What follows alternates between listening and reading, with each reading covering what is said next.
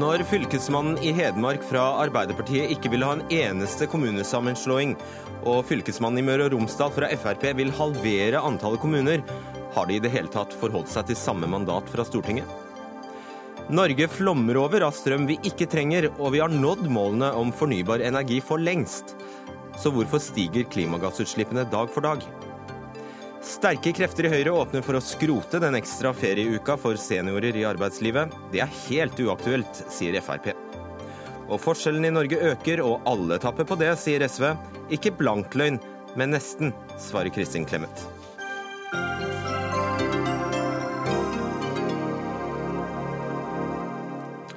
Dagsnytt 18 er i gang tirsdag den 4. oktober. Mitt navn er Fredrik Solvang.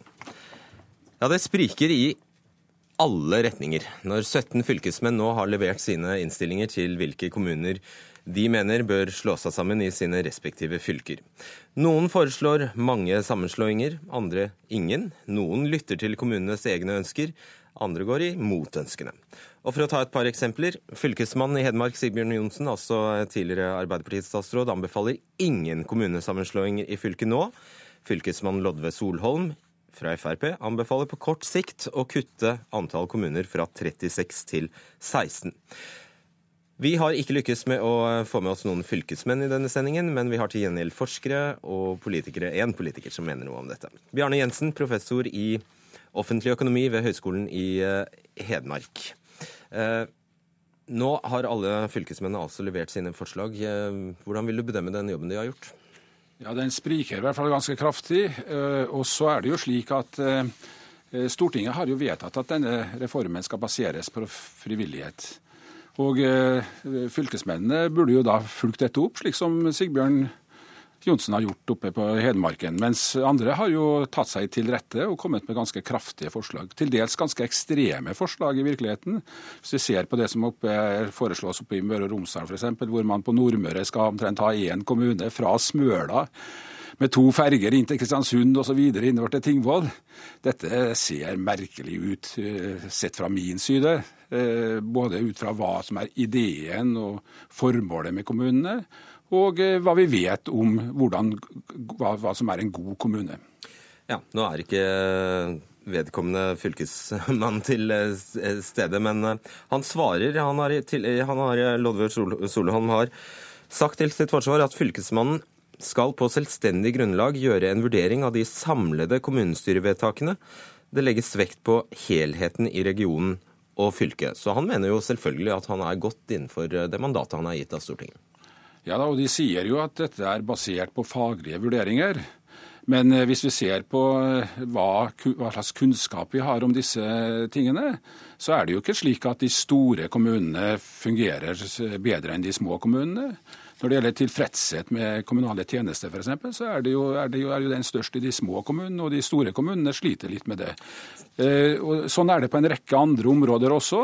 slik at eh, Jeg syns at den, disse vurderingene, og det bærer det jo litt preg av også ved at det varierer fra, fra fylke til fylke, ja dette er politiske, skjønnsmessige vurderinger. Og til dels ganske spesielle skjønnsmessige vurderinger. Ja, Det var mitt neste spørsmål. Ser du et mønster her? Oppfører de seg som de forhenværende partipolitikerne de er? Eh, ja, det er litt variasjon, ikke sant. Fordi at eh, vi ser, vi ser jo at dette at det er annet, en annen fylkesmann som kommer faktisk ikke fra politikken, nede i Vest-Agder. Han har jo også et ganske voldsomt forslag, ikke sant? Hvor, hvor Agder skal reduseres fra over 30 til 30 kommuner til fem.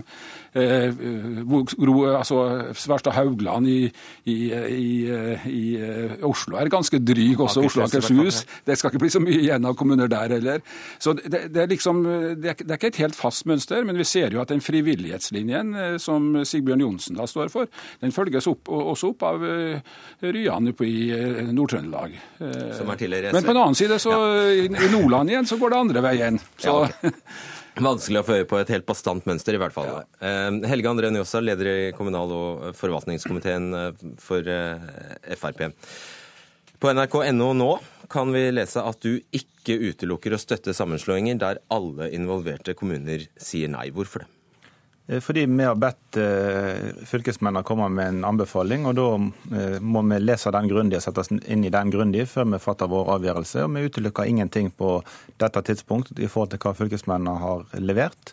Det er fem partier på Stortinget som var med på å be fylkesmennene gjøre denne jobben, og da må vi ha respekt for at Eh, at de har gjort et, et, godt arbeid, og så skal vi vurdere det nøye før Stortinget fatter den endelige beslutningen eh, før neste sommer. Så dette med frivillighet det var bare tull, da? Nei, vi står fast med hovedlinjene at eh, reformen baserer seg på frivillighet, men at Stortinget har forbeholdt seg retten i unntakstilfeller å skjære gjennom. Og det er der jeg har sagt at jeg vil ikke si hva unntakstilfelle jeg ser for meg eller ikke i denne fasen. Da vil vi skjele til fylkesmennene sin tilrådning, vi vil skjele til kommunestyrevedtaket, og vi vil selvfølgelig gjøre våre egne vurderinger. Og så er det ikke riktig som, som Bjarne sier at jo mindre kommuner, jo bedre er han. Da burde vi jo gå tilbake til 1900-tallet, der det var 747 kommuner i Norge. Så ville det blitt enda bedre. Det, skal vi møte framtida, så trenger vi større fagmiljø for å levere gode tjenester til, til, folk. Så kommunereformen er ikke av hensyn til staten eller kommunene, men av hensyn til innbyggerne. Men det vi hører er at du egentlig forbeholder deg retten til å gjøre alt. Vi skal høre hva du sa i forrige uke her i Dagsnytt 18. Jo, Vi har jo tenkt å lytte til fylkesmennene sine forslag på de som vil ha flere kommuner. Så, Njåstad, du skal kun lytte, du vil kun lytte til fylkesmennene når de foreslår færre kommuner. Og i dette tilfellet som vi snakker om her, så gikk altså fylkesmann Magnhild Meltveit Leppa i eh, Rogaland inn for å tvangssammenslå Forsand med Strand, selv om Forsand eh, ville slå seg sammen med eh, Sandnes. Ja, så, hvilket begge to ønsket. Så ditt prinsipp, jeg vil bare klargjøre prinsippet ditt, det er altså å lytte til folket kun når folket gjør det du vil, altså går inn for sammenslåing? Nei, nei men, men fylkesmennene Målet vårt med hele kommunereformen er å skape bedre tjenester til innbyggerne gjennom frivillige kommunesammenslåinger. Eh, vi har bedt fylkesmennene se på helheten i hvert enkelt fylke for å få færre og sterkere robuste kommuner for framtida. Eh, I dette tilfellet så er det to kommuner som har funnet sammen. og Da har jeg vært litt tydelig på at jeg syns det, det, er unødvendig å bryte opp i den enigheten som er mellom Sandnes og Forsand. Eh, og at det er en av de unntakene av fylkesmennene sine anbefalinger som jeg ikke likte. Men alle andre Har du flere? Nei, jeg har ikke funnet flere. Jeg har funnet masse interessant lesing. og Den, den største misforståelsen mellom fylkesmennenes jobb er jo at man sammenligner hva fylkesmennene anbefaler at vi skal gjøre neste vår, og hva de anbefaler skal være på lang sikt. Eh, det skal vi snakke om, det skal vi komme til, fordi eh, vi lurer faktisk alle på hva lang sikt betyr. Men Yngve Flo, forsker ved Uni Research Rokkansenteret. Eh, du sitter på eh, Minde i studio der, og du har nå sittet og regnet i hele dag, eh, for du har gått gjennom disse innstillingene fra fylkesmennene. Hva, hva, du, hva har du funnet ut? Jo, Jeg har jo prøvd å telle dette her. Altså, det er jo det som ofte blir kalt tvangsvedtak. Det er jo da å, å foreslå sammenslåing i strid mot kommunestyrevedtak. Så har det da kommet fram til at det er vel 70 kommuner her i landet som da har fått et sånt uh, forslag, la oss si det sånn, imot seg. Mm. Uh, og det er jo, som det blir sagt her, betydelige forskjeller der Møre og Romsdal og Akershus da utmerker seg. Og så har vi da totalt fem fylker der det ikke blir foreslått ei eneste av det vi kaller tvangssammenslåinger. Og det er Vestfold, Hordaland, Nord-Trøndelag, Hedmark og Oppland. Det stemmer. Hvis vi, og dette er altså de 70 kommunene. Det er altså Eh, kommuner der ingen parter vil ha sammenslåing. Men så har vi de konstellasjonene der f.eks. én part ønsker og én part ikke. Ja, altså la oss si det sånn at uh, Hvis vi da på en måte teller kommuner som, som, inngår i sånne konstellasjoner der det kanskje alle er imot, men også noen for, noen imot, så er det altså 110 av landets kommuner som, som inngår i den typen prosesser. Og Det, jo, uh, det betyr jo at det, det, er relativt mange mennesker og mange kommuner det er snakk om dette her. Synes du det er, det overraskende mange, vil du si? Ja, jeg er over, litt overraska over at det var såpass mange forslag. Det er jo denne her, kan si at Fylkesmennene har jo denne her muligheten med å, å, på en måte foreslå hva som eh, er ønskelig på lengre sikt. og kan si at, at Der er jo forslagene langt mer konsistente. Altså De foreslår jo betydelige ned, eh, kan si, nedskjæring i tallet på kommuner på en la oss si det sånn, kanskje en tiårs sikt. Det er litt uvisst dette her. Skriver de det? Hvor mange år de mener med lang sikt? Eh, noen gjør det. Noen har vel antyda 2025. Men eh, vi snakker i alle fall inn i neste stortingsperiode og, og godt inn i det. La oss forholde oss eh, et øyeblikk Jensen, til, bare tilbake til eh, det umiddelbare som skal, skal skje nå. Hvordan kan vi forklare at de har tolket mandatet så aldeles ulikt?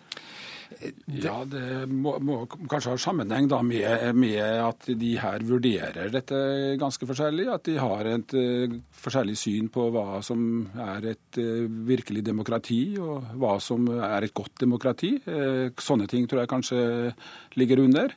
Så, men det er ikke så lett å finne ut noe særlig ut av dette. Jeg syns jo hele reformen er blitt forferdelig rotete. Og Vi ser jo også at i mange kommuner så blir det jo også oppbrudd, nærmest. ikke sant? De vet jo ikke hvilken eh, kommune de skal slå seg sammen med. Slik at, eh, Sånn som jeg ser det, så er dette blitt en eh, ganske mislykket og ganske rotete og lite konsistent reform. En reform som i liten grad bygger på fakta, men som bygger på synsing og skjønn. Altså, og, og det skjønnet jo, er jo veldig forskjellig. Hva legger regjeringen, eller hva legger Stortinget i på lang sikt? Eh, da skal vi avklare neste vår, samtidig som vi oppsummerer denne reformen. Så vil vi ta stilling til hva som skal skje videre. Hadde det ikke vært hensiktsmessig å gi fylkesmennene beskjed om hva dere mente med lang sikt, før dere ga dem beskjed? Nei, Vi har gitt dem et todelt oppdrag. Det er å komme med hva de mener bør skje neste vår, og hva de mener bør skje på lengre sikt. Og så skal vi ta stilling til både gulrøtter og andre ting videre. Det eneste sikre er at eh, kommunereformen går ikke over, fordi at innbyggerne i Norge trenger bedre tjenester. Eh, og Det er interessant å se at fylkesmennene samla faktisk peker på at eh, skal vi møte framtida, så trenger vi færre kommuner. og de anslår jo at vi trenger mellom 120 til 160 kommuner på lang sikt. Eh, og da samsvarer med det. Skulle vel godt gjøres når du roper i skogen, så får du svar? Nei, vi har fått gode svar fra fylkesmennene. Jeg syns det er feil å, å, på en måte kritisere dem for, eh, for, på en måte at svarene spriker. For det er forskjellig fra fylke til fylke. Vestfold er kommet langt på egen hånd, eh, og noen har en geografi som er mer krevende. Så fylkesmennene har jevnt over levert det som Stortinget har bedt dem om. La oss ta dette. Altså, Fylkesmannen i Hedmark Sigbjørn Johnsen skriver i sin anbefaling på bakgrunn av kommunenes vedtak og frivillighetsprinsippet prinsippet eh, som er lagt til grunn i Stortinget, så anbefaler Fylkesmannen ingen kommunesammenslåinger nå. Hvor stort vil du si dette frivillighetsprinsippet er? Frivillighetsprinsippet er ganske stort. Det står at i hovedsak så skal Stortinget respektere lokale prosesser og lokalt lederskap, og i kun unntakstilfeller basert ut ifra regionale hensyn kan man skjære gjennom. Så det har vi sagt siden 2014. Eh, Var det jo kjempeumusikalsk av deg å eh, gå god for en overskrift Frp Njåstad åpner for rene tvangssammenslåinger? Hvorfor gjør du det? da? Det er jo hva ord, du bruker. Vi har sagt at i unntakstilfeller så kan vi skjære gjennom. Det er de ordene vi har brukt, og det har vi sagt siden 2014. Eh, det har vært politiske motstandere som eh, Når vi sier ordet frivillighet og lokalt lederskap, så hører de tvang. Eh, det er det som er utfordringen. Ikke hva vi sier, men hvordan det blir oppfatta av våre politiske motstandere. Yngve Flo, du har jo faktisk studert fylkesmannsembetet. Etter 1976 har det altså blitt, har blitt utnevnt 56 fylkesmenn her i landet. Hele 49 av dem hadde rikspolitisk bakgrunn. Blant dem finner vi tre statsministre. Mener du nå i dag at du kan se et mønster her? Har de, eh, har de tegnet kartet eh, basert på egen partitilhørighet?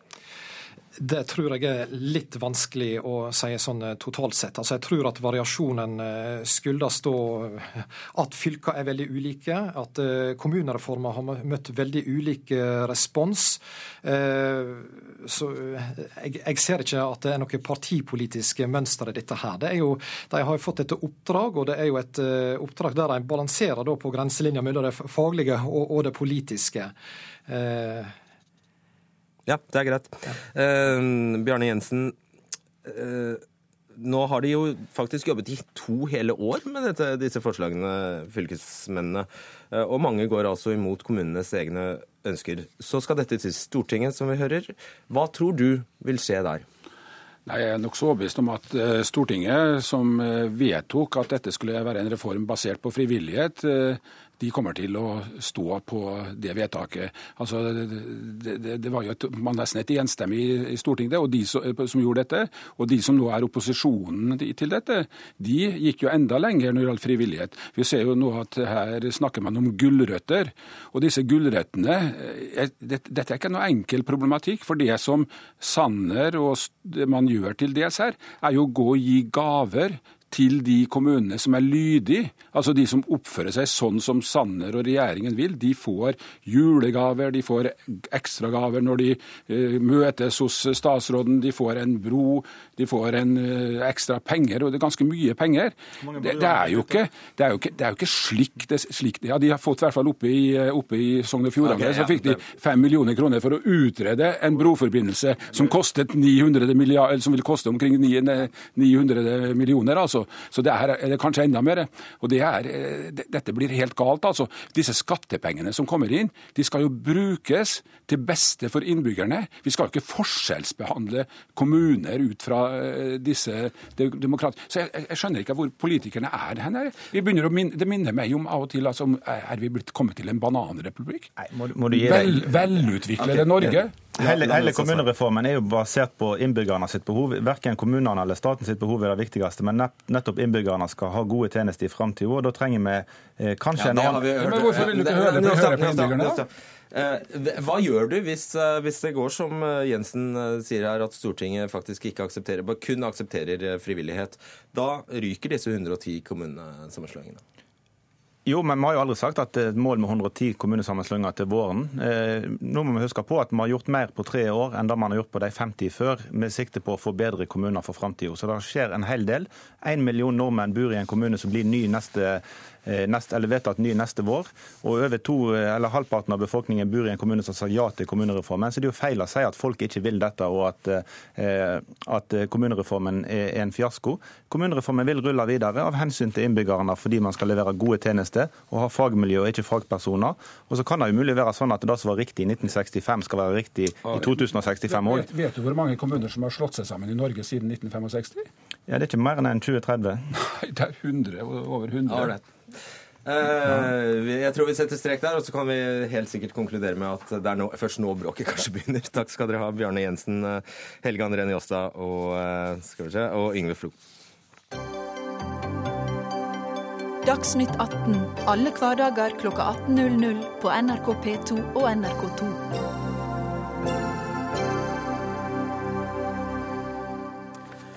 Vi har altfor mye strøm. Seks år før fristen har Norge nådd målene om fornybar energi. Allerede i 2014 produserte Norge så mye elektrisitet som vi har avtalt med EU å gjøre innen 2020. Hvordan kan det ha seg at vi flommer over av strøm samtidig som Norges klimagassutslipp fortsetter å øke? Per Sannerud, du er vassdrags- og energidirektør. I denne sammenhengen, hva betyr fornybar?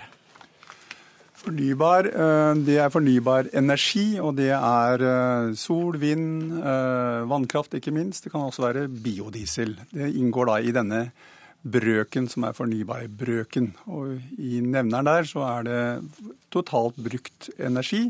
Og det er også da med oljefyr og diesel til bil. Nettopp. Og eh, av de fornybare kildene så har vi jo selvfølgelig desidert mest vann.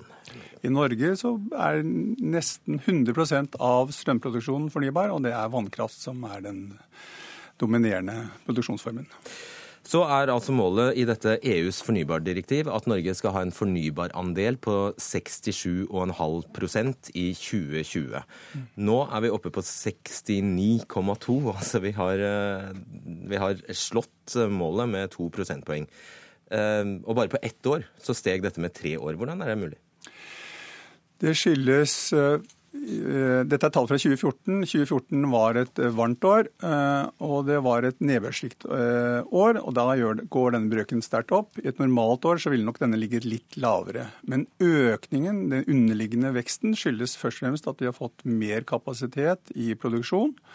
Og fordi at vi bruker energien mer effektivt. Altså Vi har bygget ut flere vannkraftverk, men vi bruker også energien mer effektivt. For har vi stor overgang til varmepumper, som gjør at vi, økningen i totale energiforbruket blir mindre enn det ellers ville vært. Er vi helt i særstilling? Er det noen land som har så høy fornybarandel som Norge? Det er det ikke. Det, det, landet i EU som ligger nærmest, er Sverige. De ligger over, litt over 50% Gjennomsnittet i EU ligger rundt 16-17 Men det betyr også at de bruker veldig mye fossilt energi, som vi må eh, redusere hvis vi skal nå klimamålene. Og EU stakkar, de skulle prøve å komme seg opp på 20% De skal ha en mål på 20 det vil si de bruker veldig mye fossilt. Tusen takk skal du ha, Per eh, Sanderud, for den leksjonen. Nikolai Astrup, stortingsrepresentant for eh, Høyre. Trenger Norge denne strømmen? Vi må ta kraften i bruk for at den skal ha en verdi, det er helt sikkert. Og det er mye, mange områder hvor kraften bør anvendes i årene som kommer. Og vi har et godt utgangspunkt for å, for å gjøre det. Eh, vi skal fase ut eh, fossil energi i alle sektorer der det er mulig og hensiktsmessig. Transportsektoren står jo eh, nå nærmest til å, til å stå foran et gjennombrudd der. Vi ser at Som Sanderud var innom, så fases nå i stor grad oljefyr ut og erstattes med bl.a. varmepumper. Eh, det krever også energi, selv om de bruker mindre energi enn fossile eh, kilder. Og så må vi jo legge til rette for mer kraftkrevende Så svaret på spørsmålet mitt om Norge trenger strømmen er? Ja, jeg mener at vi bør benytte den strømmen vi har. Vi har et fantastisk fortrinn som vi bør benytte til å skape verdier, skape nye grønne arbeidsplasser. Hvorfor sender du den ut av landet da? Nei, eh, vi, bruker, altså vi, sender litt ut av landet. Vi driver kraftutveksling. Eh, vi driver eh, litt krafteksport. Og det er bra for Norge, og det er bra for de landene vi samarbeider med. Men Vi skal huske på at vi skal ikke så veldig langt tilbake før vi hadde skyhøye kraftpriser i Norge på vinteren. Det var noen kalde, tørre år. Eh, hvor det hadde regnet lite. Eh, og da var vi i en sårbar situasjon. Så det å ha mellomlandsforbindelser gjør også at vi blir mindre sårbare. I tillegg så er det ganske god butikk for Norge. Vi kan importere eh, strøm når det blåser for mye i Danmark, så kommer strømmen nesten gratis til Norge. Og når det slutter å blåse i Danmark, så kan vi selge vår strøm dyrt til Danmark. Det er en ganske god butikk, samtidig som det gjør det mulig for Danmark å fase ut sin kullkraft. Nettopp. Og når vi får mer strøm og billigere strøm, så bruker vi mer strøm. Ingrid Lomelder, klimasjef i WWF Norge. Trenger vi denne strømmen? Ja, vi gjør det. Eh, verden eh, trenger den strømmen som Norge kan produsere, fordi vi er nødt til å bli 100% fornybare i energisystemene våre hvis vi skal klare å nå de klimamålene som bl.a. Eh, Norges regjering forpliktet seg til i Parisavtalen i desember i fjor. Nå har vi jo stort overskudd, som vi hører trenger vi å ha et overskudd? Nei, vi hadde ikke trengt å ha et overskudd. Og hvis politikerne hadde tenkt på energipolitikken vår som en helhet, ikke bare tenkt på hvordan de skal øke produksjonen av fornybar energi, men hvis de samtidig hadde laget planer for hvordan vi skulle fase ut den fossile energibruken, så hadde vi ikke trengt å ha dette overskuddet. Eh, og Nikolai Astrup har jo helt rett i at vi trenger å fase ut fossil energi i transportsektoren f.eks. Men nå er jo den sektoren i Norge som har økt eh, utslippene sine mest, eh, og også økt energiforbruket sitt mest de siste årene, det er olje- og gassektoren. Og der har vi også behov for å bruke fornybar energi for å fase ut det fossile. Audun Randen Johnsen, du er energi- og klimarådgiver i Naturvernforbundet. Altså denne, denne, strømmen selger vi da til Europa. Forhåpentligvis kan det gå til sånne hyggelige ting som å erstatte kullkraftverk i Danmark. Men har vi noen garanti for det? Altså, vi bør bruke den strømmen som vi eh, produserer, og som vi kan frigjøre fra norske bygg ved hjelp av å bruke mindre energi, til å fase ut fossil energi i Norge.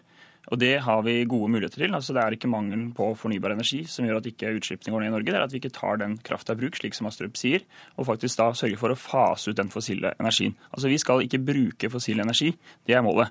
At vi skal bli 100 fornybare. Og Da kan vi gjøre langt mer for å ta i bruk krafta og sørge for at man faser ut fossil energi i Norge. Og Det gjelder i transportsektoren, i industrisektoren. Det gjør også at vi kan bruke mer kraft i Norge til å produsere varer og tjenester. Vi kan lage aluminium, vi kan ha datasentre. Det er mye vi kan bruke den krafta til i Norge. Men så ser vi da at det ikke er villighet nok i regjeringen i dag, eller den forrige regjeringen, til å faktisk fase ut den fossile energibruken og erstatte fossil energibruk, bare med de siste dagers debatt om eh, økning av avgiftene på fossilt drivstoff. Ja, nå tror jeg du kom for å si noe og lyttet ikke til spørsmålet mitt i det hele tatt. Det jeg, ville, det jeg spurte deg om, var er det gitt den logikken eh, Astrup legger for dagen her, er det gitt at når vi eksporterer vår strøm til Europa, som skal gå til hyggelige ting som å erstatte kullkraftverk, er det gitt at det skjer? Det er ikke gitt at det skjer. Derfor Nei. mener vi også at det er viktig at man skal bruke den i Norge.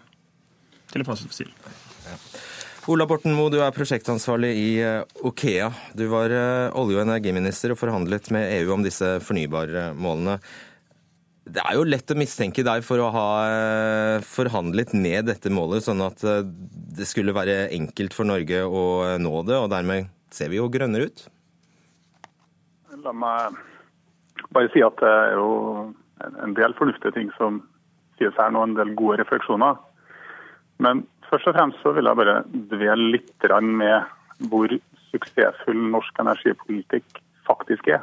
Ikke bare har vi pressa prisene på energien ned, som er hyggelig for norske forbrukere og viktig for norsk verdiskaping. Men vi har også klart å redusere CO2-intensiteten i norsk økonomi. CO2-utslippene ligger relativt fast. Det står i skarp kontrast til hva man klarer i mange andre land. Så har vi da verdens mest ambisiøse fornybarmål. 67,5% og nå bygger vi ut, og vi kommer til å ligge sannsynligvis over etter hvert som vi faser inn enda mer produksjonskapasitet i tida som kommer. Og det er mye vanskeligere eh, å ta de siste 5% eller de siste 20 Altså det å gå fra 66 til, til 70 er veldig mye vanskeligere enn det å gå fra 8 til 12% som mange andre EU-land faktisk gjør. Det dreier seg om å legge ned ett kullkraftverk, og så er man på sett og vis i mål. Vi er nødt til å bevege oss inn i sider av det norske samfunnet, transportsektoren, oppvarmingssektoren, fly, som er langt mer avansert, langt mer kostbart enn det man ønsker å gjøre i resten av Europa. Så det eh, både WWF og Naturvernforbundet her gjør, altså sitte og snakke ned norske resultat og norsk energipolitikk, det syns jeg er veldig veldig rart. Jeg bare Tilbake til det jeg spurte om opprinnelig. Altså, det, når, når, det var så enkelt å nå dette målet, Borten Moe, så kan jo det tyde på at du at det, det kan jo tyde på at det var for enkelt? Ja, men altså For det første så vil jeg bitt meg merke i det som Sandrød sa, nemlig at noe av det her skyldes kombinasjonen av ganske varme år og mye nedbør. Og Energiproduksjonen i Norge varierer åpenbart mye med hvor mye det regner her. Eh, det andre det er jo at vi har lyktes med politikken vår. altså nå blir det jo ikke bare gitt flere konsesjoner, men det bygges jo òg flere store kraftprosjekt enn det har vi gjort på veldig veldig lenge. Og det fases inn mye ny produksjon. Og Samtidig så blir vi stadig mer effektive som samfunn i måten vi bruker øvrig energi på. Så Hovedpoenget vil jeg si, det er at norsk energipolitikk faktisk virker. Så er jeg skeptisk til det som nå skjer fra regjeringas side, som er en veldig lite nyansert tilnærming til energieksport. Altså, jeg er for at vi skal henge sammen med Sverige, jeg er for at vi skal henge sammen med eh, Danmark, at du skal ha utenlandskabler. Men det som skjer nå, det er at man ønsker å liberalisere det her. Slippe inn private som skal tjene penger på det. Og at vi bare skal sende norsk strøm eh, ut av landet. Og Tar du den kabelen som nå er planlagt til Sverige, nei, til Storbritannia, så er jo det en ren eksportkabel som vil redusere det norske kraftoverskuddet, drive prisene i været her, og vi vil ikke få noe kraft tilbake. Det kan vi gjøre med én kabel, men vi kan ikke gjøre det med mange kabler. Eh, og Det er norske forbrukere som er nødt til å plukke opp regninga i form av høyere eh, strømpris. Og det er norsk natur som er nødt til å plukke opp regninga i form av større nedbygginger av verdifull natur enn det vi ellers ville hatt behov for. Akkurat når det gjelder nedbygging av norsk natur, så er det vel ganske på linje med, med Moher Lomelde. Men enkelt og sikkert banalt spørsmål. Hvorfor skal jeg spare strøm når vi, her, når vi får vite dette her, at vi har altfor mye strøm? Og grunnen til at du skal spare strøm, er jo først og fremst fordi at det gagner din egen lommebok. Eh, og grunnen til at Norge skal spare strøm, er fordi at da får vi mer kraft å eksportere og bruke til å fase ut fossil energi. Hvordan kan du vise det gagner min lommebok hvis strømmen blir, da blir dyrere?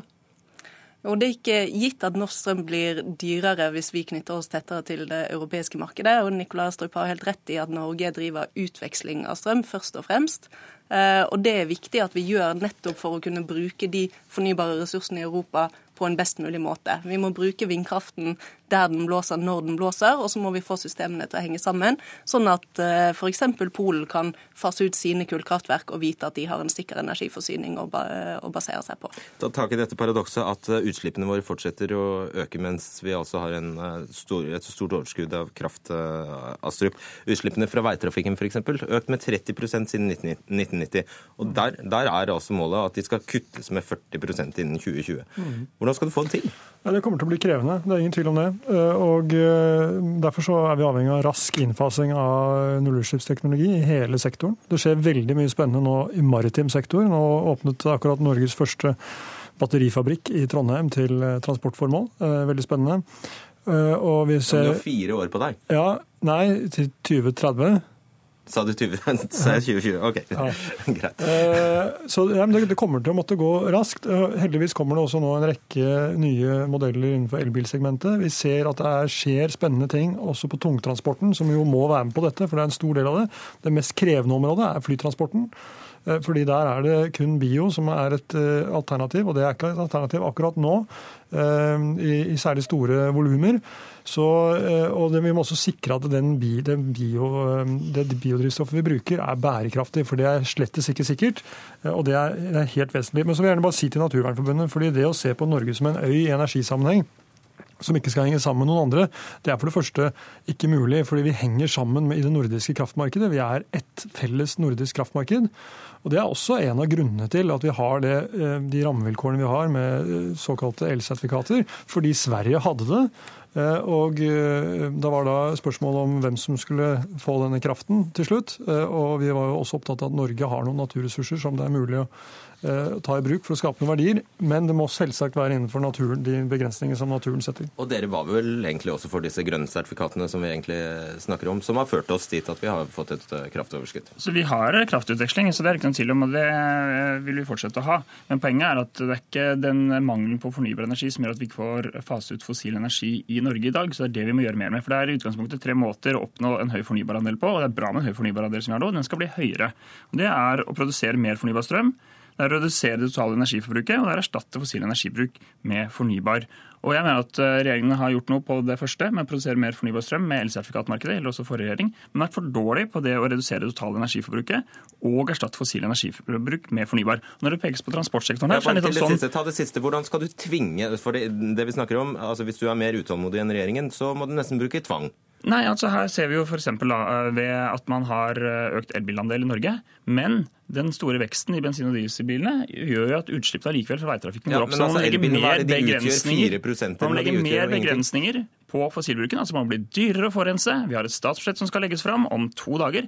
Der må man gjøre det langt dyrere å forurense, så faktisk fossilbruken går ned. Men altså, bare, bare, ja, bare til Det fordi det er altså ikke slik at det er rammevilkårene som nå begrenser innfasingen av elbiler i Norge. Det er tilbudet, eh, mangelen på tilbud av ulike modeller som dekker nordmenns behov, som er hovedårsaken til at vi ikke får en raskere innfasing. Nå er det ikke det du gjør bensin og diesel mindre, mindre dyrt? Nå ligger nybilsalget på oppunder 20 av elbiler. Det er, ikke, det er søren meg ikke verst, eh, hvis jeg kan bruke et sånt uttrykk her i studio, programleder.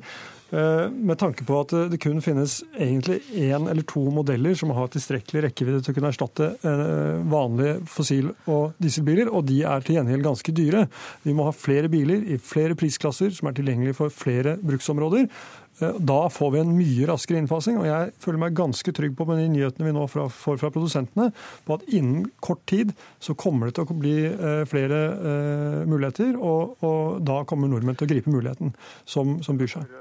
Ja, jeg, må, jeg bare lyst til å hekte på et spørsmål der. fordi det, Nettopp til det aller siste Astrup sier. Man kan jo tolke det som at ja, man kan satse på at det går bra. Altså stole på at teknologien hjelper oss ut av dette. Er det også Og, og en dag tar jo oljen og gassen slutt, og da synker norske klimagassutslipp. Og da står man igjen med en fornybarandel på ca. 70, og alt er bare fryd og gammen. Er det sånn du tenker du òg?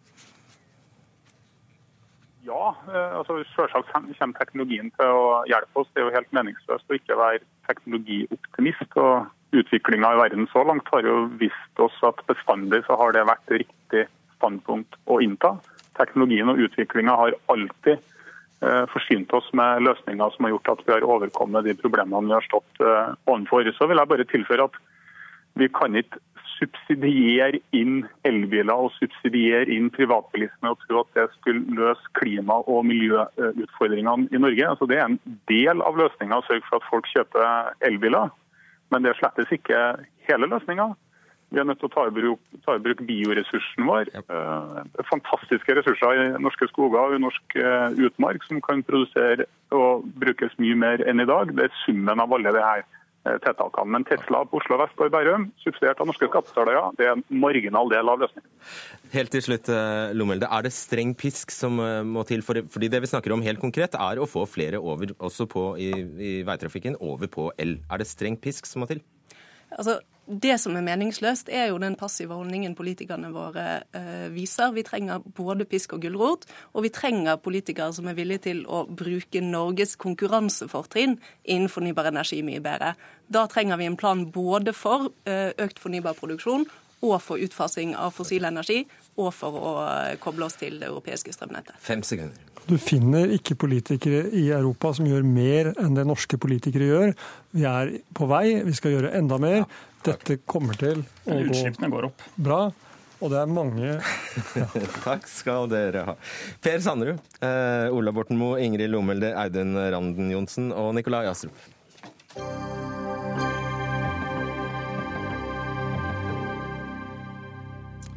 Bør vi la private tjene penger på å sperre kriminelle inne, som vi allerede gjør med sykehjem og barnehager? Fremskrittspartiet vil fjerne soningskøene i Norge, og medisinen er private fengsler. Forslaget kommer fra programkomiteen til Frp, som nå har sitt forslag til partiprogram på høring. Og Bård Hoksrud, du er stortingsrepresentant for eh, Frp, medlem der i den programkomiteen. Forklar, eh, ja, Hvorfor skulle private fengsler løse noe som helst? Nei, Det er jo fordi at vi tror at det er sunt med litt konkurranse, og at det offentlige også har konkurranse. Vi ser det funker bra på eh, barnehage, det funker på skole. Eh, det funker i eldreomsorgen, og vi tror at det kan skjerpe begge til å bli bedre. Så du har ingen grenser? Du har bare ingen grenser? Jo, det, det finnes helt sikkert grenser, og det kommer helt sikkert å bli diskusjoner i forhold til hvilke type institusjoner osv. For det er klart, høyrisikofengsler er det nok ikke sikkert at man skal la private få lov å, å drive, men det er jo veldig mye forskjellig i straffekjeden i forhold til type institusjoner. og Da bør man kunne se om ikke private også kan være med å gi et godt supplement. Og når du sier Hva skulle man tjene på det? Altså Konkurranse for konkurransens skyld, eller hva tjener, hva tjener samfunnet og staten på det? Det aller viktigste er selvfølgelig at kvaliteten på de tjenestene man leverer blir best mulig, og til en riktig pris. og Det betyr at vi ser i eldreomsorgen f.eks. så klarer private å gi vel så gode tjenester, kanskje også bedre tjenester. Det ser vi her i Oslo med Manglerudhjemmet f.eks. Kjempegode tjenester, men de klarer å levere til en lavere pris enn det kommunen gjør. Og de gir bedre, bedre tjenester. Så jeg tror det er bra med litt konkurranse. Det er sunt. Kari Henriksen, stortingsrepresentant fra Arbeiderpartiet, medlem av justiskomiteen. Eh, Hoksrud er jo inne på noe her, at uh, private kan jo omtrent eskortere den uh, innsatte til døra av fengselet, men der, uh, der, har man sagt stopp. Hvorfor det? Nei, det er fordi, altså, Først må jeg si at dette er jo et ledd i den ideologiske politikken til Fremskrittspartiet. Dette handler ikke om praksis. Dette er en ideologi de vil privatisere, og dette er en del av det de vil privatisere. Og de vil bygge ned staten som både eier og driver. Men Arbeiderpartiet vil ha et samfunn med mindre kriminalitet, og derfor vil vi satse penger i Norge på norske ansatte på norsk utvikling av norske tjenester i Det er ingen som har sagt det skal være utenlandske ansatte? Nei, men vi, det kan ingen garantere heller. Vi ser de, som Bård Hoksrud viste til, selskapene som opererer i Norge innenfor helse f.eks. En stor del av de er utenlandske selskaper som pløyer fortjenesten tilbake. Vi ønsker at norske skattebetaleres penger skal gå til norske tiltak i Norge. Og Det viktigste for oss er at vi skal ha et tryggere samfunn. Den løsninga som Fremskrittspartiet her sier at de velger, den gir ikke Norge tryggere. Den, vi får mindre igjen for pengene, viser erfaringer fra, fra noen land. Det skaper ikke mindre kriminalitet. Det er bare en ideologisk, okay. en ideologisk uh, forslag. Og vi får ikke redusert gjentakerkriminalitet, og det gir økt byråkrati. Og det ser vi eksempler på. Der Fremskrittspartiet tidligere har innført privatisering nå, så ser vi at det blir økt byråkrati. For det første så synes jeg det er greit å si at dette er en del av programprosessen som hva partiet ender med. Det er landsmøtet som vedtar. Men det er klart at det, det, når man hører på Arbeiderpartiet, så hører man jo at det er ideologien som liksom er eneste grunn til at de er imot å la faktisk private få lov å slippe til. For det er klart at dette betyr ikke at kan det blir mer ikke begge bare vedkjenne at dere styres av ideologi? jo, men ikke sant, Poenget er jo det at det som er synd med Arbeiderpartiet, fordi man later som at man er opptatt av at pengene eh, skal bli brukt best mulig. Og hvis man har vært opptatt av at pengene skulle bli brukt mest mulig, for mest mulig forebygging, for å ha, sørge for at man bruker Eh, minst mulig penger, men i til, sørge for selvfølgelig at man får et godt tilbud til også de som er i fengsel, så burde man jo se på disse løsningene og være åpen for å se på andre løsninger. Altså det, det funker jo kjempebra i barnehage. Visste du dette her, Bård Hoksrud? At eh, oljefondet har kastet ut, har trukket seg ut av amerikanske private fengselsselskaper? Fordi man bare tenker på lik linje med all verdens ja, ja, hva er det vi er ute av? Vi er ute av olje Nei, vi er ute av klasebomber og fæle ting. ja. Barnearbeid og sånne ting. Eh, det må jo være en grunn til at oljefondet gjør det? Det må det nesten spille oljefondet om. og dette Hva tenker du om det? Jo, men det, Dette handler ikke om at vi skal holde på å ha fengsler i, i USA og sende, sende, fanger dit. Det handler om at man skal ha fengselet her hjemme. Men så har vi faktisk da tort å tenke litt annerledes og møte utfordringene. Altså Det Arbeiderpartiet gjorde, det var å slippe fangene fri kjappere. Vi har da sett på mulighetene for, når vi ikke klarer å ha nok fengsel ferdig i Norge Nå, nå kommer jo eh, nye fengsel som blir bygd i Norge, men da gjorde vi et forsøk forsøk med f.eks. For Nederland for å få hjelp der eh, til å møte de køene som vi har, for å få folk til å sone, at man kan bli ferdig sona og komme videre. Ok, du, ja, Ta det, Henriksen. Gitt at det faktisk reduserte soningskøene, er du da også bastant imot? Vi mener at det å sørge for at eh, folk som begår kriminalitet mot fellesskapets normer, som jo hele lovsystemet vårt er bygd opp rundt Det er fellesskapet som setter noen regler for alle innbyggerne i Norge.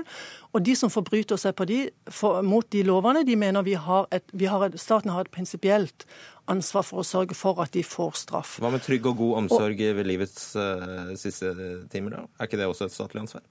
Jo, det er statlig ansvar. Hvorfor kan det at utføres av private? Jo, fordi at det, det, er staten påfører andre isolasjon. Når du har en omsorgsoppgave, så påfører staten et gode til eh, de som eh, kommer inn på et sykehjem. Men jeg, skal bare jeg vil, har bare lyst til å si litt i forhold til at eh, Bård Hoksrud sier, står, sier her og fremstiller dette som så veldig nytt og innovativt. Dette er jo eldgammel politikk fra Fremskrittspartiets side. Det er jo ikke én ny tanke som er tenkt de siste årene når det gjelder fengselsomsorgen. Og vi ser hvordan de har redusert innholdet år etter år. De har ikke lagt penger på bordet til noe rehabilitering. Og de har flytta penger ut av landet til Nederland. 300 millioner hvert eneste år går til Nederland istedenfor å gå til norske ansatte. Vet du hvorfor de gjorde det? Blant annet fordi dere aldri klarte å få bygget dette fengselet på Sørlandet. som dere lovte i så. Da kan vi ta en runde til på den debatten. For det var Grunnen til at Halden fengsel ikke ble bygd, var at Fremskrittspartiet kom akkurat med de samme forslagene da, om at de skulle privatisere. Og da sa Bondevik-regjeringa det kan vi ikke få tid til, og da utsatte okay, de bygginga av Halden fengsel. Ja. Eh, har, du noen, har du hørt om noen private tilbydere som står og banker på døra? Jeg vet ikke om det er noen private tilbydere i Norge, men vi vet at dette er ting som andre land både har prøvd og, og har. og Det er spennende å se på de erfaringene de har. og Så kan det godt hende at landsmøtet kommer til å, å konkludere med at dette skal vi ikke gjøre. Men jeg syns det er spennende at man tør å ta debattene, og at vi får skikkelige diskusjoner og debatter. Og så vil landsmøtet fatte, fatte beslutning i, og, i mai. Og dette prinsippet om at det er bare staten som har maktmonopol, og at staten står for militærvesen og politi og fengselsvesen, det har du ikke noe sans for? Jo, på en del områder, men det var derfor jeg også sa at det er jo forskjell på hva man har gjort og hva man skal, eh, hvordan man skal sone. Og da tror jeg det er smart å se på forskjellige løsninger. Og så handler det om hvordan vi bruker det offentliges ressurser på en best mulig måte for at vi kan bruke mer penger på eldreomsorg og de andre viktige temaene. At man ikke sløser med pengene, som vi har sett Arbeiderpartiet eh, ofte gjøre på disse områdene her. Å bruke penger på en god måte, det betyr å redusere byråkratiet. Og der dere, har dere ikke lykkes, og vil, dette vil føre til en økt byråkratisering. Du har rett, Bård Hoksrud. Vi må tørre å ta debatten. Vi gjorde det. Takk skal dere ha, Bård Hoksrud og Kari Henriksen. Kan én ferieuke ekstra i året faktisk motivere arbeidstakere til å fortsette jobben etter fylte 60? Ja, fastslår en fersk Fafo-rapport. Nei, sier Civita og NHO. Og i dag skriver Dagsavisen at Høyres Torbjørn Røe Isaksen vil kutte hele den lovbestemte retten til en ekstra ferieuke for arbeidstakere på 60 pluss. Men da setter du ned foten, Erlend Wiborg, stortingsrepresentant for eh, Frp. Fordi Nei, det er veldig enkelt. Eh, vi ønsker å legge til rette for at flere mennesker skal kunne arbeide lengre enn eh, de gjør i dag. Og Da mener vi det er viktig å ha gode tiltak som gjør det lettere for flere eldre å kunne stå i arbeid. Og vi vet nå, at, og Fafo-rapporten viser jo også at dette motiverer folk til å jobbe noe lengre. Og Det er bra for samfunnet, det er bra for bedriftene, og ikke minst er det bra for den enkelte. Ok, Vi tar Fafo-rapporten eh, straks. Torbjørn Røe Isaksen kunne ikke komme til oss eh, i dag. Det kunne du, Kristian Tonning Riise, leder i Unge Høyre. Og relevant fordi du også sitter i Høyres programkomité. Eh, altså det er sterke krefter i Høyre som, eh, som mener dette, at, at, disse særrettighetene bør man komme til livs. Hva vet, hva vet programkomiteen i Høyre om en slik uke fungerer på den ene eller den andre måten? Altså, la oss bare begynne med å si at Vi er jo helt enige om målsettingen her. At vi, at vi ønsker at uh, arbeidstakere over 60 skal stå litt lenger i arbeidslivet. Og Så er det litt usikkert egentlig uh, hva vi vet. fordi Fafo-rapporten viste at det motiverer å få en ekstra ferieuke. Men så vet man jo heller ikke, man ikke om uh, hva Hvis man ikke hadde hatt den ferieuken, ville det vært samme scenario, scenario da. Og jeg tror at det kan være sånn at vi også bidrar til å, stigmatisere litt eldre arbeidstakere ved å ha ordninger som sier at i det øyeblikket du, du, fyller 60, så skal vi nærmest si at nå er det kanskje på tide å, å, gå litt eh, inn for landing. Skal vi få en bærekraftig velferdsstat i fremtiden, så er vi helt avhengig av å utnytte de ressursene som, eh, som eldre arbeidstakere sitter på i, i mye lenger enn det vi, det vi, gjør i dag. Min er det ditt beste argument, Tonning Riise, at jeg føler litt stigma med å ha en ekstra ferieuke? Jo, men altså, det, er noe, med at uh, altså, min, min, generasjon er jo helt nødt for å stå veldig mye lenger i arbeids, arbeidslivet. Vi kan ikke begynne å, å gå inn for å pensjonere oss når vi, er, når vi er 60. Da blir ikke velferdsstaten bærekraftig. Og Det sender jo et slags signal når de tiltakene vi møter alle over 60 med, er at nå er det på tide å ta litt mer ferie, nå er det på tide å ta litt, ta litt, mer, litt mer, fri. Da sender vi jo et slags signal om at, om at, nå går det kanskje mot at man skal, skal pensjonere seg. Kanskje kunne man tenkt helt annerledes. Vi har jo også andre rapporter som viser at miljøet på arbeidsplassen er egentlig det aller viktigste for hvorvidt du ønsker å stå lenger i jobb etter du fyller 60. Og Da er det nettopp det å føle at man blir sett, at man fortsatt får eh, arbeidsoppgaver som, som, er spennende. Det at, okay, at man at, ja. Vi kan komme til nærmere inn på hva alternativene dine er. Men la oss ta for oss denne Fafo-rapporten, Wiborg. Du sier altså at den viser, viser at man, eldre, eldre, blir motivert av denne ekstra ferieuka. Hvor har du det fra at Fafo-rapporten viser det? Nei, Rapporten viser jo tydelig at eldre blir motivert. Det står jo der. Eh, de har svart og, på et spørsmål om de ja, liker ekstra ferie? Ja, ja, sier de. Ja, og om dette også er et av tiltakene som bidrar til at man får lyst til å stå lenger i jobb. Ja, Men det sier eh, ingenting det er, om hva de faktisk gjør? Nei, men det er, det er, for lite forskning på dette feltet. Det tror jeg alle er enig i, både NHO eh, og Høyre som nå tar debatten. Men du hadde også svart ja på et sånt spørsmål, om du ble motivert jo, av en uke ekstra ferie? Jo, men, men, men, dette handler veldig enkelt og greit om Man vet at når man blir eldre, så kan det hende at en ekstra uke til å lade batteriene kan gjøre at du orker å stå noe lenger i arbeid. Og så må vi jo huske, så er det noen som er bekymret for at dette, vil eh, være, at dette er fordyrende, og at eh, arbeidsgivere dermed ikke ønsker å ansette eldre arbeidstakere. Og Det er en viktig debatt å ta, men da må man ikke glemme heller at yngre arbeidstakere har også andre kostnader som eldre ikke har. Yngre arbeidstakere eh, kommer gjerne i foreldrepermisjon, de har syke barn og mange av den type tingene som eldre arbeidstakere ikke har. Hvor mange år tror du sånn vil du anta at de står lenger, lenger i jobb fordi de får en ekstra ferieuke? Nei, Det er jo et sett virkemidler det er en helhet her. Eh, men det som er viktig Nei, men hva tror du? du, du ja, men det, det, det, er helt umulig å måle eksakt om det er det tiltaket som bidrar til at du jobber ett år lenger eller to Nei, år lenger. For, for, i dag er jo snittalderen eh, ved avgang 63 år. Ja. Så denne uka kan ikke bety særlig mye i dag. Nei, men vi må, nå, vi må, se på helheten av virkemidler her. Og dette er ett av flere virkemidler. Regjeringen har jo også heldigvis gjennomført Fremskrittspartiets gamle kamp om å heve aldersgrensene i arbeidslivet. For tidligere og venstresiden i norsk politikk mener jo at i det sekundet runde runder 70, så eh, skal du ikke ha noe oppsigelsesvern lenger. Vi har nå hevet det til 72. Og det tror jeg er viktig. Men, men, la oss nå gå inn og se på disse ordningene, da. For dette er jo bare ett av, eh, av, mange tiltak som man kan tenkes å se på. og Det står jo egentlig ikke noe om dette i vårt programutkast heller. Det som står, er at vi ønsker å gå gjennom de særordningene som kan eh, for eldre arbeidstakere, som kan gjøre deg mindre attraktive i arbeidslivet. Og Da må jo poenget nettopp være å, å gå inn og, og, se på det. fordi målet vårt er vi jo enige om. Målet er jo at, eh, at vi trenger Eh, at de over 60 i mye større grad eh, står lenger i arbeidslivet enn i dag. Og da tenker jeg at Dette kan være en av de tingene som det er, eh, som det er riktig å se på. Så Hvis, hvis Wiborg Frp nå også åpner for nettopp å gå inn og se på dette og forske på om det virkelig er sånn at den ferieuken gjør at man står lenger enn man ville gjort hvis man ikke hadde hatt den, så er jo jeg egentlig veldig med på det. La oss gjøre det.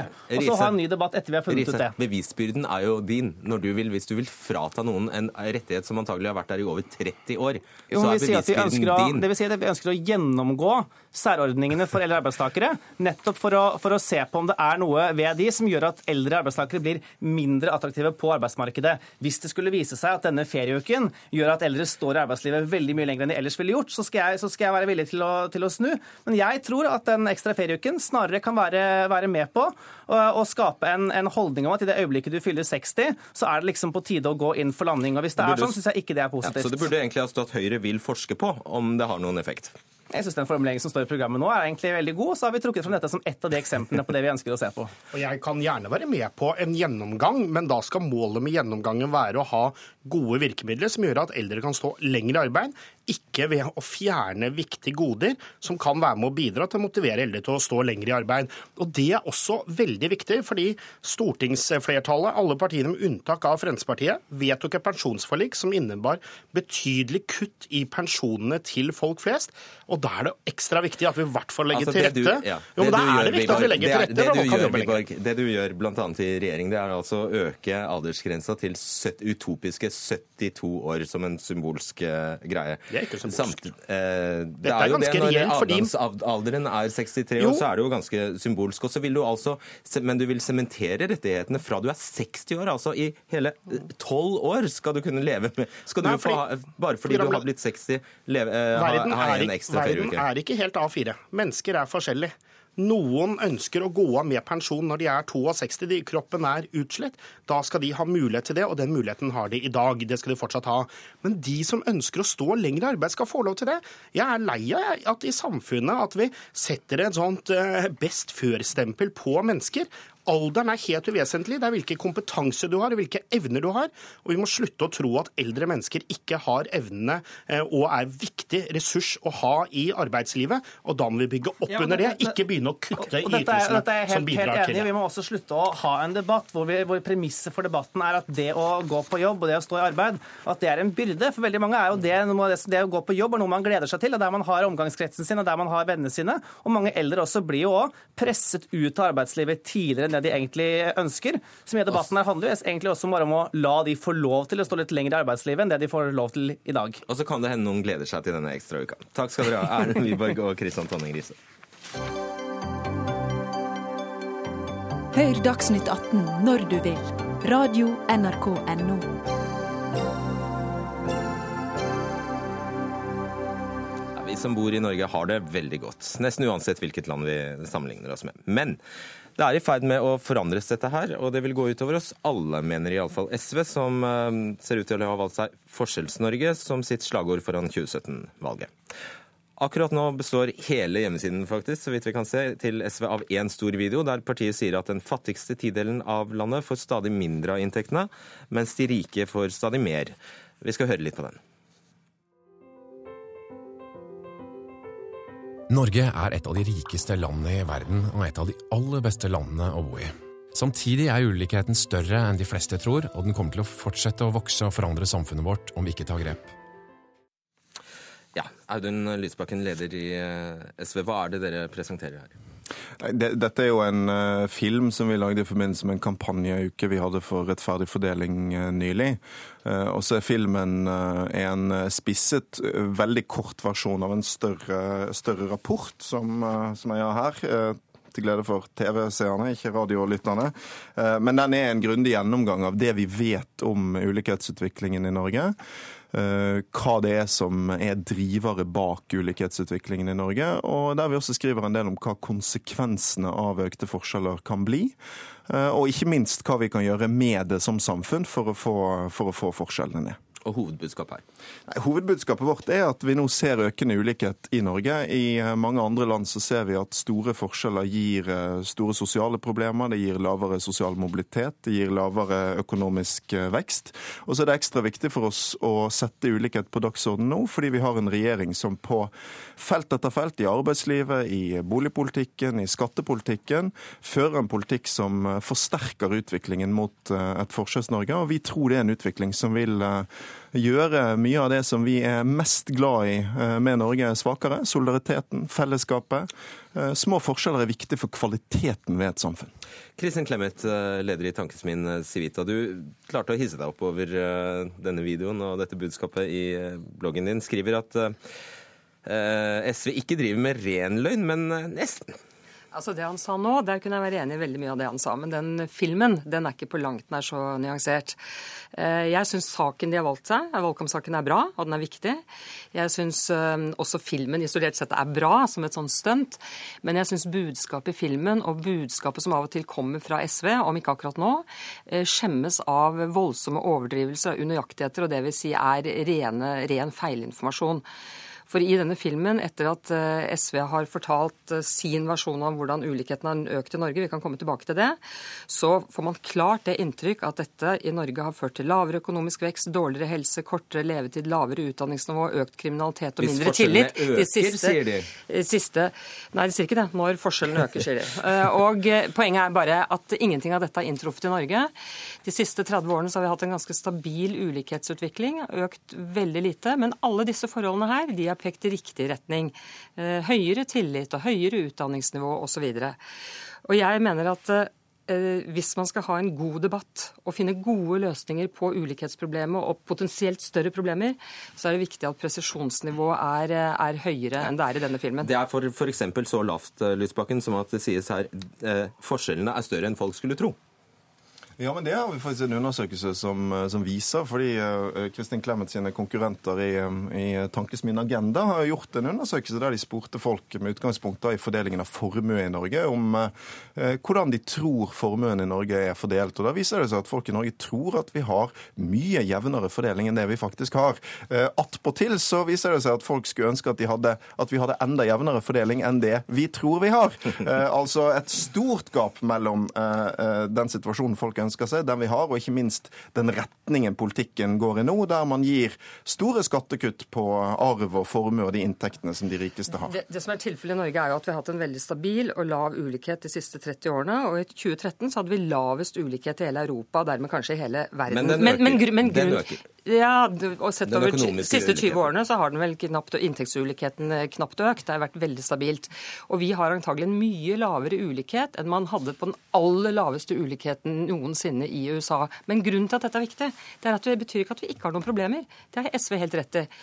For så er det sånn at Vi har en ganske stabil andel med vedvarende lav inntekt i Norge. Men gruppen har forandret seg over tid. Det er færre pensjonister der, og det er flere barnefamilier.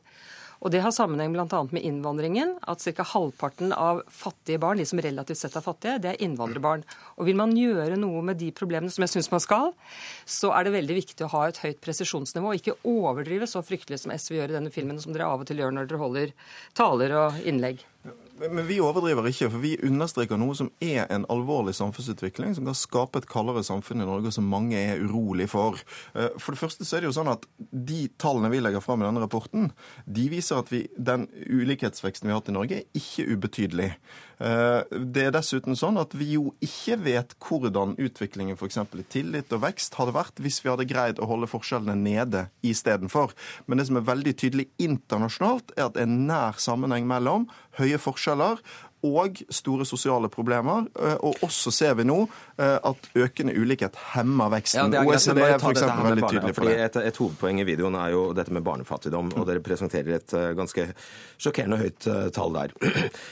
Dere underslår jo at hovedårsaken til det er arbeidsinnvandring. Hvorfor er ikke det nevnt i videoen? Det eh, er veldig grundig nevnt i denne rapporten. Og, det er kanskje ikke alle som har lest den rapporten? Nei, men den, eh, er det lenke til den rett under videoen. og det er veldig tydelig at Denne videoen ble laget til framleggelsen av denne rapporten.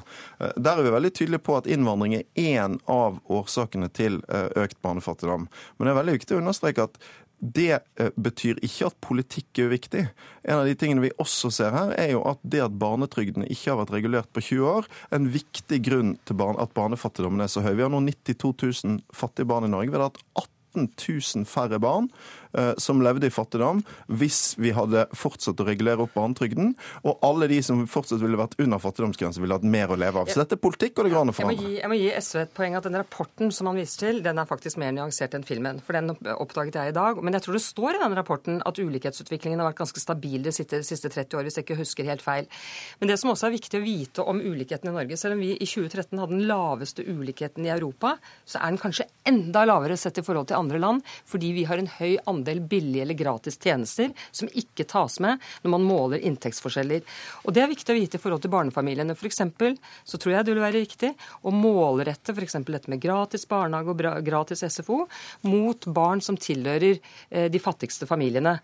Eh, og Da må vi også være klar over at, at, eh, det er sånn det arter seg innenfor lavinntektsgruppen. At det ikke er pensjonister eksempel, hovedsakelig, men at det er barne, barnefattigdom. Det som er bra med denne debatten, er at vi nå har en diskusjon der høyresiden og venstresiden er enige om at ulikhet er et problem. Det har vi ikke alltid hatt. Ikke all ulikhet. Tidligere, tidligere, så har vi, så har vi tidligere så har vi veldig ofte hørt høyresiden si at hvis bare kaken vokser, så er det greit, for da vil også det minste kakestykket vokse. Så det, det, tar jeg som et positivt tegn. Men det vi må huske på er at sant, disse fattigdomstallene har alvorlige konsekvenser. Kristin Clemet har sjøl vært bekymret for det voksende utenforskapet i Norge. Vi ser en stor ulikhet i helse, i muligheter for barn som vokser opp i Norge. Norge. Og, og Grunnen til at denne debatten er så viktig nå, det er jo at de som har makten i Norge, på felt etter felt, fører en politikk som forsterker denne forskjellsutviklingen. Og det er jo en regjering som Kristin Clemet støtter. Altså, Bare si at det er feil. Nei, nei, nei, er at det er ikke all ulikhet som det. Er, det er bra at også innsats lønner seg, at utdanning lønner seg, at kompetanse lønner seg. Men eh, hva, Nei, fritt- du har ikke tid. Nei, Sorry, det blir neste gang. Okay. Ja. Det var derfor jeg bare sier ja, OK. Takk skal dere ha, Fredrik Lauritzen, Hilde Tosterud og Fredrik Solvang. Takk for seg. うん。